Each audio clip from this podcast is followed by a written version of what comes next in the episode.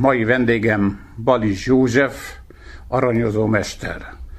Frankelle utcában az egyik portálon ki van írva, hogy keretrestauráló mester, illetve keretrestaurálással foglalkoznak, és bebetértem ebbe a boltba, és rengeteg keret, csillár között találkoztam Palis Józseffel, akivel azóta jó barátságba kerültünk. Hogy kerültél ebbe a szakmába, hogy ismerted meg ennek a mesterségnek csinyát, binyát? Hát egy kis kitérővel, hát egy képkeretező céghez kerültem, mint aranyozó segéd, ahol kitanultam a szakmának az alapjait, és hát ott dolgoztam 7 évig. 7 év után önállósítottam magam, egy kollégámmal alapítottunk egy céget, és közben meg elkezdtünk kísérletezgetni, hogy hogy lehet a, a régi fajta aranyozást, tehát a régi anyagokat kiváltani, új anyagokkal sikerre vinni az egész történetet, hogy ugyanazt a, a a minőséget tudjuk elérni. Ezek az új anyagok mennyire váltak be? Olyannyira, hogy, hogy észre sem veszik a különbséget egy antikolásnál, egy patinázásnál például. Nyilván az aranyozásnak az alapja az maradt, ugye egy tojás fehérje és polamentes alap gyakorlatilag, ami évszázadok óta működik, az, az mai napig ugyanúgy csináljuk a dolgokat, tehát az alapok megmaradtak, csak a, a finomítás a végén, tehát az, hogy, hogy korhű legyen a, az egész aranyozás, azon változtattunk egy picit. Behoznak egy képkeretet, hiányos mondjuk, az egyik részén megvan még az eredeti dísz, ezt hogy pótoljátok?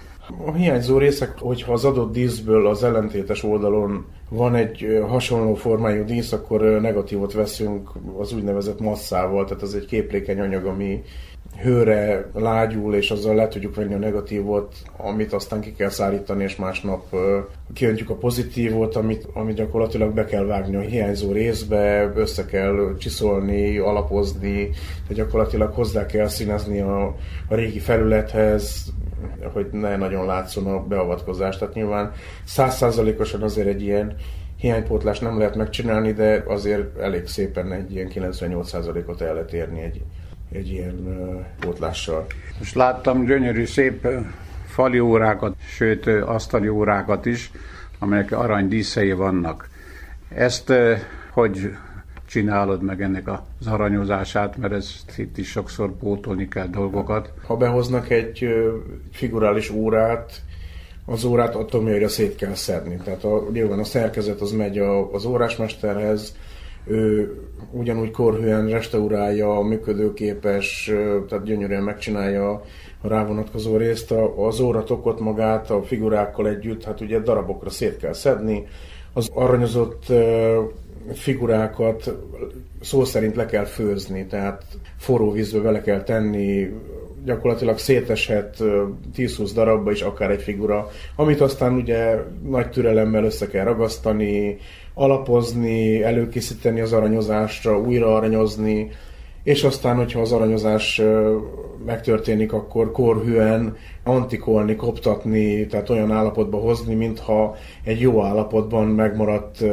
régi figura lenne. Tehát igazából az a cél, hogy korhű legyen a, restaurálás, ne csacsogjon, ragyogjon, és ne ríjon le róla, hogy ez tegnapi aranyozás. Nyilván nem csalni akarunk, hanem olyan állapotba hozni dolgokat, hogy hát hogy korhű legyen igazából. Azok a csillárok, amiket ott látok lógni fönt a műhelyben, hogy tényleg sokszor hiányosan kerülnek be. Ezeket is a megmaradt részekből lemásoljátok, pótoljátok, mint a képkereteknél? Nem, egy faragott csillár esetében, ha hiányzik mondjuk egy, egy kar a csillárról, azt ugyanúgy meg kell faragni. Tehát a kollégám az faszórász, és innentől kezdve ugye meg kell rajzolni, meg kell tervezni, meg kell faragni.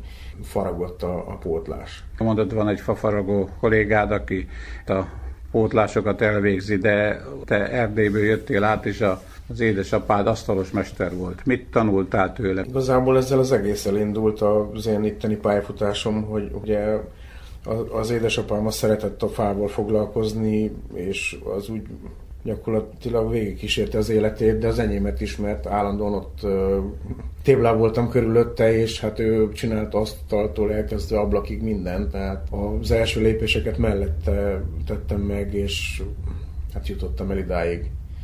Időközben dolgoztam egy bútoripari cégnél is, még Erdélyben, ahol megint tanultam ilyen alapot, tehát alapműveleteket, hogy hogy kell elfűrészelni valamit, hogy kell csapolni, hogy kell egy felületet lekezelni, stb. Tehát az alapok azért úgy megvoltak, mielőtt ebbe a különleges szakmába belecsöppentem volna.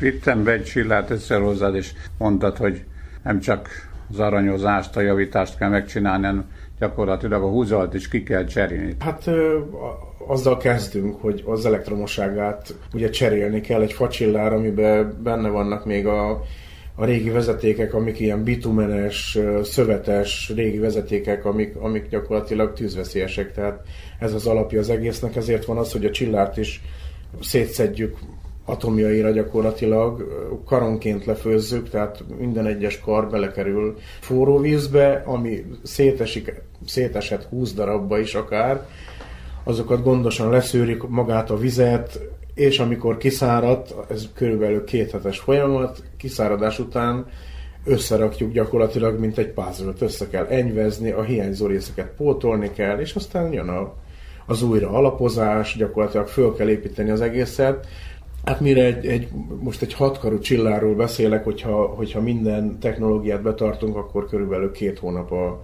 a csillárnak a felújítása. Régen eredeti arany lapocskákkal pótolták ezeket a csillárokat vagy képkereteket.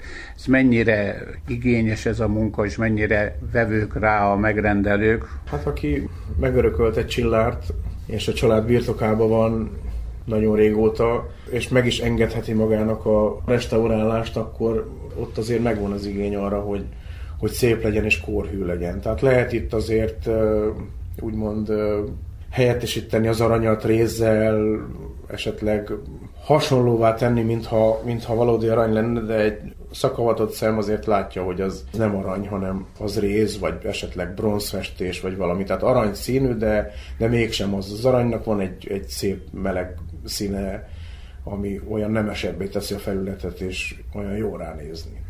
Végezetül van-e egy emlékezetes esemény az életedben, amit megjegyeztél, vagy egy nemesebb bútordarab került a kezedbe?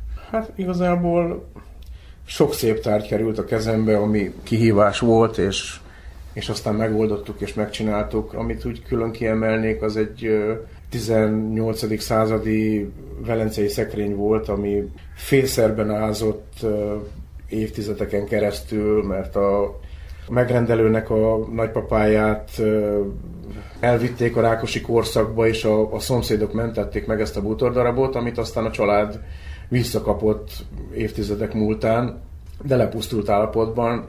Ez egy ilyen sok fiókos, fiók előlapok festettek voltak, gyönyörű jelenetekkel, apró figurákkal, de hát ugye a fele leázott és tönkrement, az aranyozás tönkrement, aranyozott faragványokat kellett pótolni, tehát gyakorlatilag 20%-os állapotban volt a szekrény, és olyan állapotba tudtuk hozni egy év munkájával, hogy korhűen felújítva, restaurálva, hát a gazdája az mai napig csodálja ezt a szekrényt, és hát nem tévét néz, hanem beteszi a fotelt a szekrény elé, és azt csodálja, és mondja, hogy ennek már azért 10-12 éve, hogy ezt megcsináltuk, és még mindig ezt, ezt csodálja, és hát úgy havonta egyszer beállít egy tálcasüteménnyel, és még mindig hálálkodik. Balis Józseffel, Meskó Bánk beszélgetett